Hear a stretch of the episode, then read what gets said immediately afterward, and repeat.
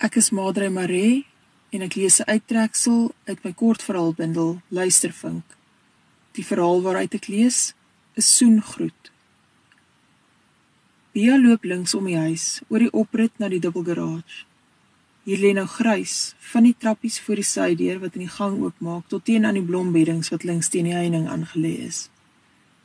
Dis waar die motorfietsse op 'n ry gestaan het halfklaar projekte en goed wat bly breek het met oliekolle in die hardgetrapte grond onder hulle. Toe sy en Neil nog kinders was, het sy pa se bakkie ook altyd hier buite gestaan. Daar was nooit plek in die garage nie, met al die gereedskap en parte en oorgeboude engines daar binne. Die ou Ford motor het die grootste deel van die ruimte vol gestaan. Die oom was vreeslik erg oor die restaurasieprojek. Omdat sy nie wou op 'n karring nie, het Nila haar eendag daarin gesmokkel sodat sy dit kon sien.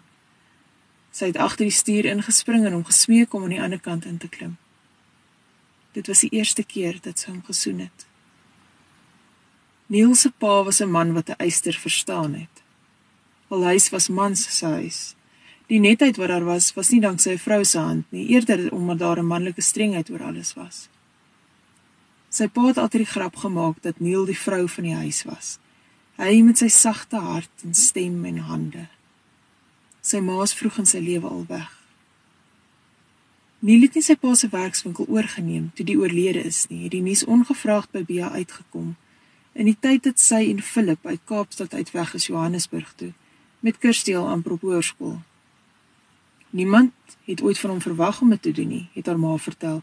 Die ou man self het dit duidelik gemaak dat hy nie so iets in gedagte het nie.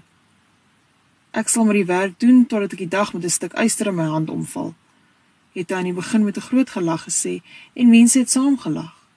Hoe ouer hy geword het, hoe kleiner het die gelag gekrimp totdat niemand meer geweet het hoe om hierop te reageer nie. Eendag het sy hart ingegee. Glo terwyl hy nog bevele bo die geraas in die werkswinkel uitgebulder het.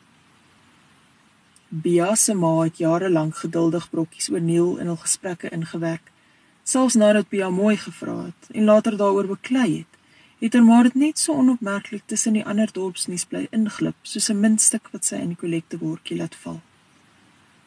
Sy kon nie besluit of dit was omdat haar ma haar kwaadlik neem of omdat sy die idee het dat Pia na Neil verlang nie. Sy het nooit nie.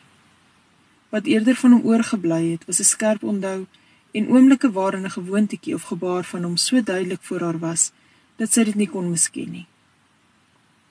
Pia sou in iemand anders se manier herken waarop Neil sy kop kantel terwyl hy luister. Luister en dink te gelyk. Of sy sou die lengte van sy tree in 'n voetval raak hoor. Dalk die lê van sy hande op die stuurwiel eien. Soms waar sy in 'n ry wag of deur 'n bondel mense beweeg, sou sy Neil oorsig.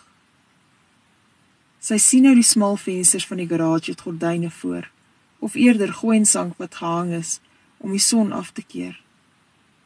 Al kan sy hierdie splete tussen die stroke materiaal kyk, is dit binne te skemerdonker om seker te kan wees die fort staan nog daar. As seun het Neil sy pa in die werkswinkel gehelp op Saterdagoggende en in die vakansie. Al kon hy nie die eisters regslaan soos sy pa nie, het hy 'n goeie handlanger gemaak omdat hy so te sê in die werkswinkel groot geword het. Dat dit 'n gevaarlike plek vir 'n kind is, het sy pa nooit geskeel nie. Die oom het streng reëls neergelê en gemeen enige een wat die gebooie nakom en hulle nie laf hou tussen die masjinerie nie, sal met alle ledemate en hul lewe daar uitstap. Op hoërskool het Neil sy pa gereeld ooreed om die een of ander motor te laat toets bestuur nadat dit herstel is. Hy sou Bia gaan oplaai en met 'n ompad deur die woonbuurt tot in die hoofstraat ry en van daar tot by die T-aansluiting buite die dorp. Hier het hulle gewoonlik 'n ruk gesitte gesels by die groot pad naamwoord waar die regsdraai stad toe en links deur 'n klomp dorpies kan ry tot aan die kus. Al het hulle elke huis goed geken, het hulle graag gespeel dat hulle in 'n heel ander dorp is waarheen hulle binnekort sou trek en dat hulle 'n huis koop. Soos dit hoort, sou hulle sommer in die stry gaan oor die tuin wat te groot of te klein is, die dak wat die verkeerde kleur is of die stoep wat te veel van die warme middagson sou kry. Neil het maklik gekies. Sy en Bia se huis moes net groot vensters hê en hoë plafonne.